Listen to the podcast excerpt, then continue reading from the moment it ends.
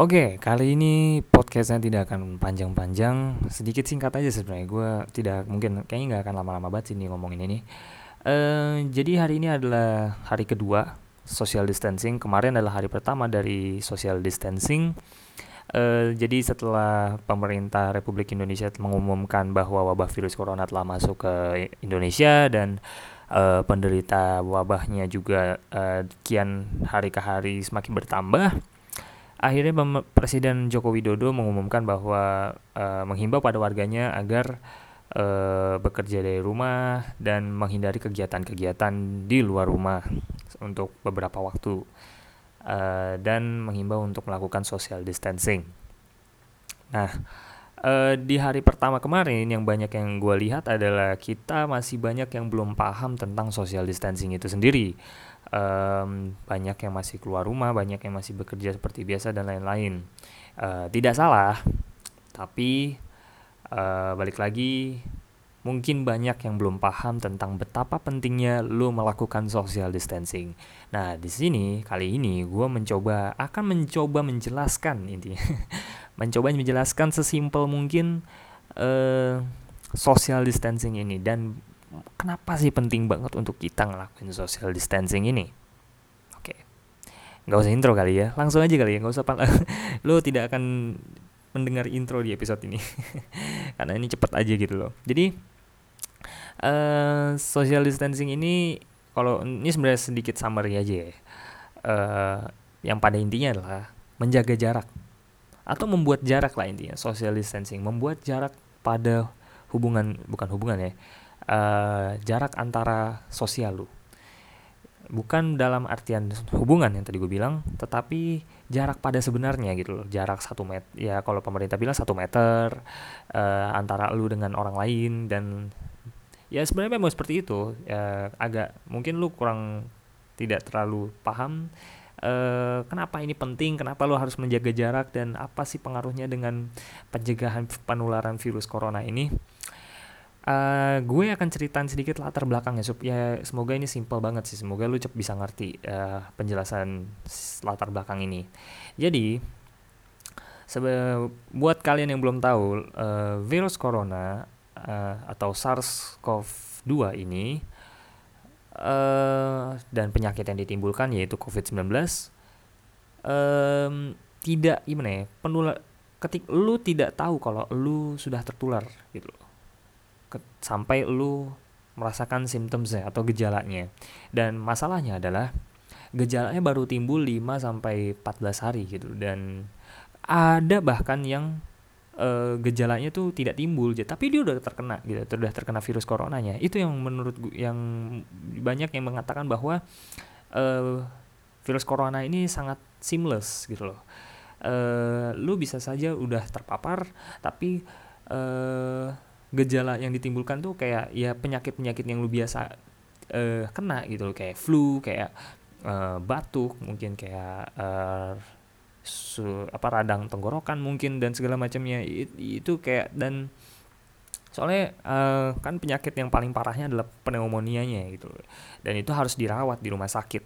Nah, tetapi banyak dari uh, yang kena adalah yang itu tadi masih mild symptom satu gejala-gejala yang ringan Uh, dan banyak kan dari gejala ringan tersebut kita nggak banyak tuh yang kayak uh, cek atau enggak gitu. Itu yang itu yang ribetnya. Dan um, kenapa? Dan itulah yang membuat membuat virus corona ini sangat-sangat gampang menyebar ke mana-mana gitu loh. Lu tidak tahu kalau lu udah terkena. Nah Persoalannya makin kompleks adalah ketika orang-orang masih terus-terusan keluar atau berkegiatan di luar rumah sambil membawa virus itu gitu loh. Nah misalkan gue ambil skenario deh, lo misalkan, lo yang lagi dengerin ini, lo misalkan adalah pegawai kantor.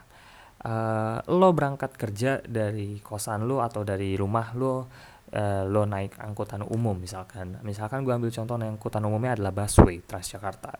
Lu ke lu dan di Transjakarta lu duduk bersebelahan dengan bapak-bapak yang notabene misalkan dia terkena virus corona tapi dia udah tahu dia udah kena. Dan misalkan bapak-bapak itu di saat itu dia batuk atau uh, bersin dan intinya mengeluarkan cairan. Uh, cairan dari ya hidungnya itu. Intinya apa apa ya intinya yang bisa menularkan. Nah, dia menutupi cairan tersebut dengan tangannya dan tangannya meper ke uh, mungkin tiang yang ada di busway tersebut. Nah, ketika lo mau turun, lo mau turun dari busway, lo nggak sengaja megang tiang tersebut. Lo nggak tahu gitu. Mungkin bukan bapak-bapak itu atau orang ada ternyata orang-orang lain di situ yang sebelumnya megang tiang itu dan dia juga terkena dan dia sebelumnya juga terkena corona dan lo nggak tahu. Uh, lo megang itu tiang virusnya ada di tangan lo sekarang. Dan lo nggak sadar juga ternyata pas setelah lo turun dari bus uh, lo melihat jalan uh, berdebu lo nutup hidung lo pakai tangan lo sendiri dan wah lah virus yang masuk lewat hidung lo dan otomatis lo terpapar virus corona. Itu yang uh, apa lu tidak dan tapi lu nggak sadar lu nggak tahu kalau lu udah terkena virus corona. Karena yang tadi gue bilang simptomnya baru muncul sekitar 4 5 mungkin atau sampai 12 hari gitu. 4 sampai 5 hari dan lebihnya selebihnya gitu loh intinya. Um, dan lu akan tetap hidup normal. Lu pergi ke kantor lu lu kerjain urusan kantor lu dan di kantor lu ketemu sama orang-orang di kantor lu lu berinteraksi dengan mereka dan gak sengaja mungkin lu batuk lu bagaimana lu menularkan itu ke orang-orang di kantor lu. Dan orang-orang kantor lo nggak tahu kalau mereka misalkan tertular dari virus lo dan lo pulang mereka pulang dan lo ke naik busway lagi lo tularin lagi ke orang lain dan seterusnya. Bayangin berapa baik dan itu lo nggak tahu lo nggak tahu berapa uh, lo udah terkena atau enggak gitu loh. Bayangin itu terjadi berhari-hari mungkin sampai-sampai lo ketemu uh, sampai lo muncul gejala sakit lo uh, lo dan mungkin ternyata lo nggak muncul-muncul gejala sakit lo. Akhirnya lo terus terusan lo bayangin berapa banyak orang yang akhirnya menyebar menyebar. Kayak uh, intinya nggak terkontrol nanti jadinya karena mulainya dari tadi mulainya dari kebiasaan kita untuk terus-terusan beraktivitas di luar yang intinya uh, mungkin nggak cuci tangan atau gimana itulah yang membuat virus ini tuh tetap yang gimana ya, sangat sangat susah untuk dikontrol karena ya seamless gitu loh. Nggak kita nggak bisa li kita nggak tahu kalau kita udah kena. Itu yang membuat ini berbahaya. Nah eh apa namanya mungkin lu juga uh, sempat lihat-lihat belakangan ini ada di Instagram lo mungkin atau di Twitter lo uh, tentang video video yang menampilkan tentang uh, kurva penularan virus ini dan di video itu tersebut bilang bahwa penting banget untuk kita membuat kurva dari virus ini menjadi landai, melandaikan kurvanya. Nah, uh, kenapa? Maksudnya apa sih melandaikan kurvanya jadi gini loh ambil lagi skenario yang tadi.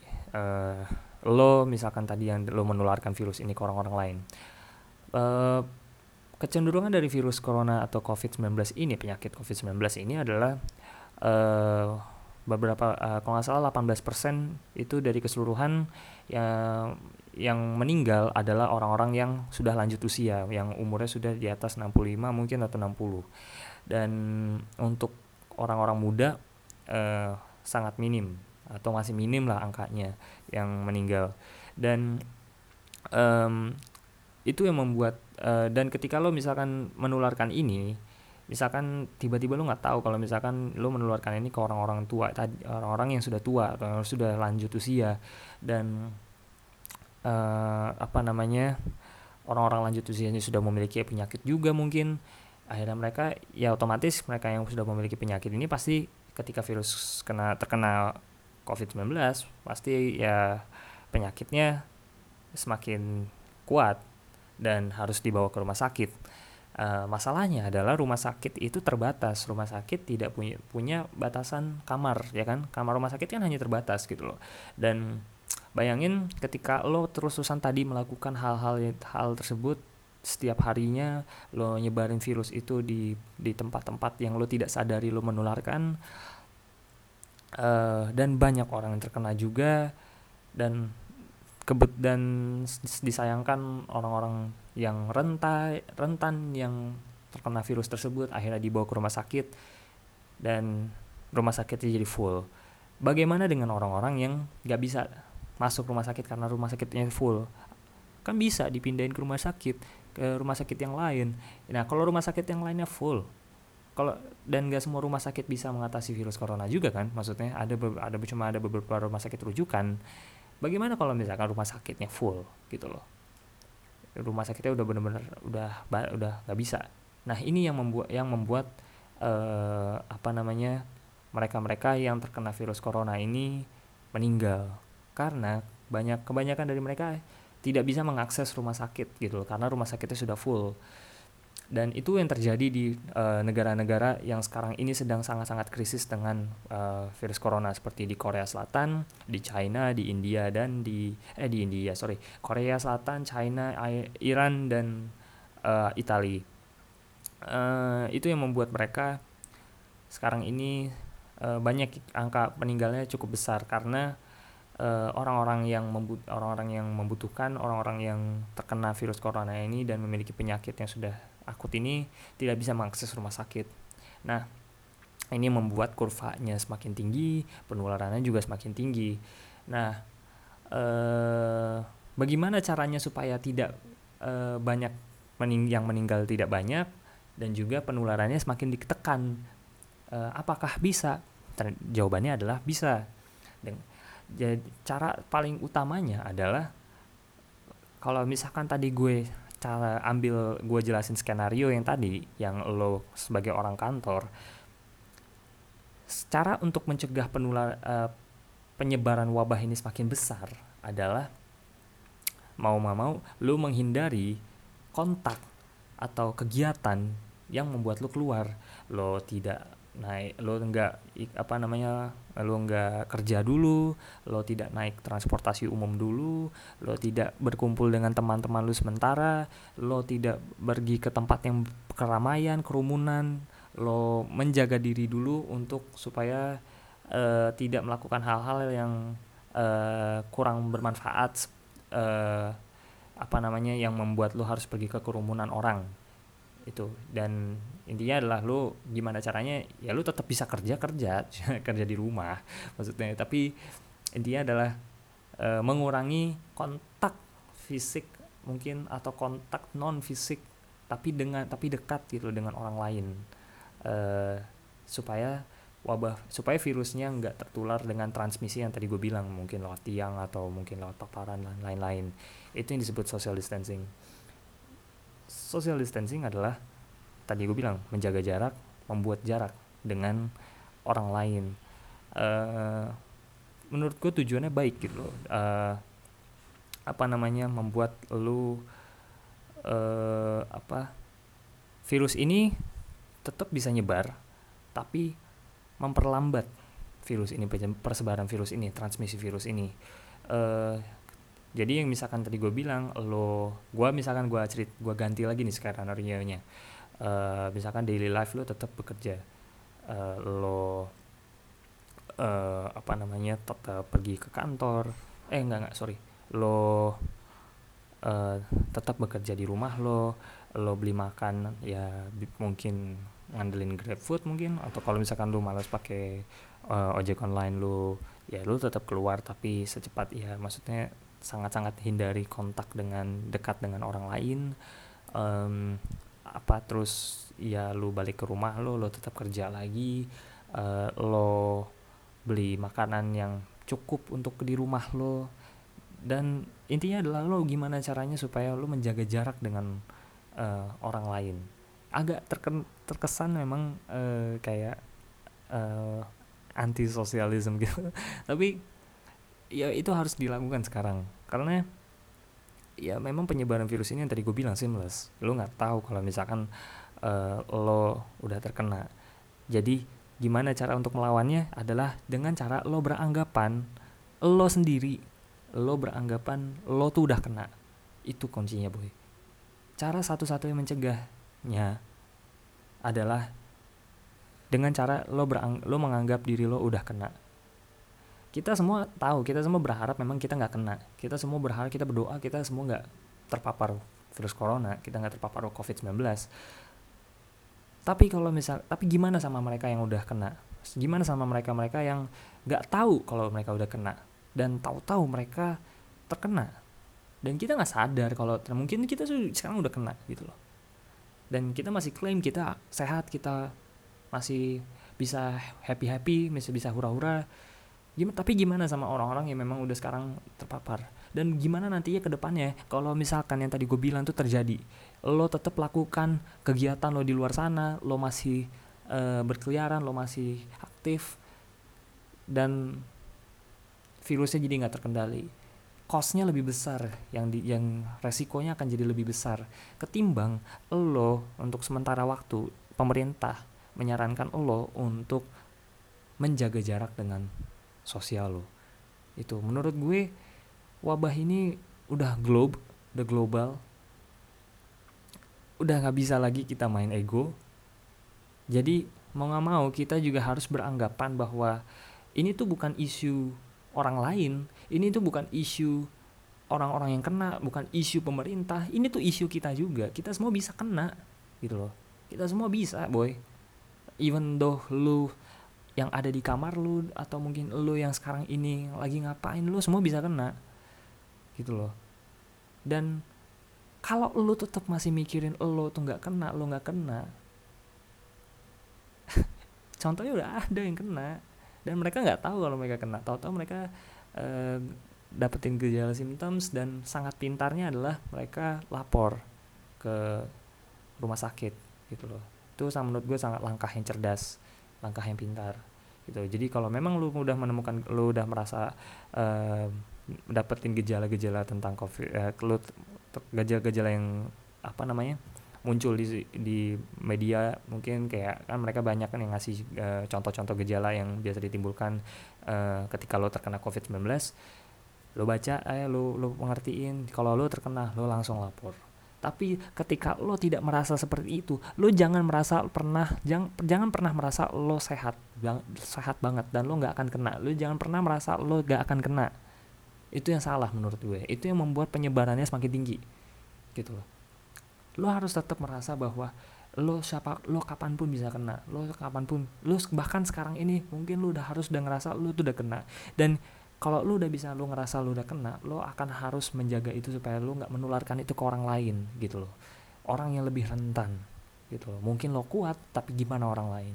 Itu yang jadinya problem yang utamanya saat ini. Gimana caranya persebaran virus ini harus berhenti? Harus wabah ini harus bisa berhenti? Lo sekarang aja udah ngelihat banyak event banyak hal-hal banyak kegiatan di, ditunda ditut dibatalin karena wabah ini. Bayangin ketika lo tidak berbuat apa-apa sekarang lo tetap melakukan kegiatan lo selama ini dan lo tetap bergaul seperti biasa. Bayangin apa lagi yang bisa ditimbulkan oleh virus ini gitu. Ketika lo tidak mau bertindak lo tidak mau berbuat gitu loh. Jadi menurut gue ini penting social distancing ini. Ketika uh, eh, gue belum masuk ke ininya. Social distancing uh, hasil dari social distancing adalah tadi jika lo bisa melakukan ini uh, dalam beberapa hari ke depan atau dalam beberapa waktu ke depan jadi yang tadi gue sempat bilang soal uh, kurva uh, dengan lo tidak melakukan kontak dengan orang lain maka persebarannya akan semakin lambat. Tetap ada persebaran, tetap menyebar virusnya, tapi akan semakin lambat. Dengan semakin lambat, bah, maka eh, apa namanya orang-orang yang ada di rumah sakit bisa disembuhkan. Nah, semakin cepat orang disembuhkan, maka orang-orang yang terkena, yang memang perlu masuk rumah sakit itu bisa masuk bisa masuk untuk dirawat.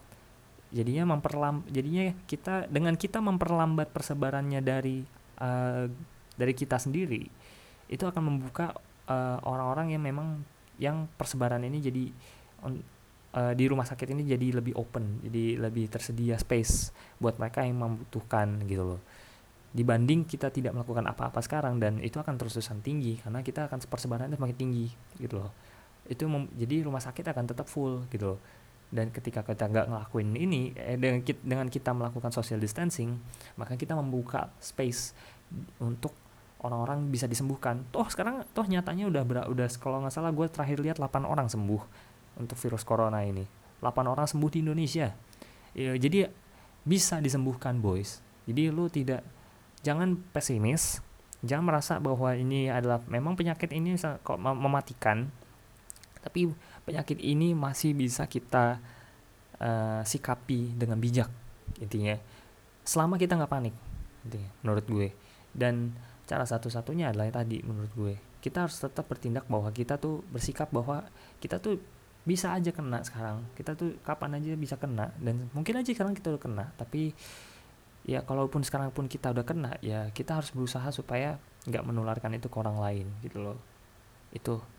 Jadi uh, dengan tadi kita bisa menyelamatkan banyak orang untuk bisa dimasukkan ke rumah sakit dan dirawat dan akhirnya bisa sembuh dari virus corona. Dengan demikian, uh, virus ini akan terus menurun, penderitanya akan terus menurun in jumlah infeksinya dan kita sih sangat berharap kita semua pasti kita semua pasti sangat sangat berharap ya untuk virus ini cepat cepat apa ya wabah ini cepat selesai uh, ya karena memang dampak ekonominya tuh sudah luar biasa banget boys kalau lu lihat di berita-berita lu lihat di mana pun dampak ekonominya udah gede banget.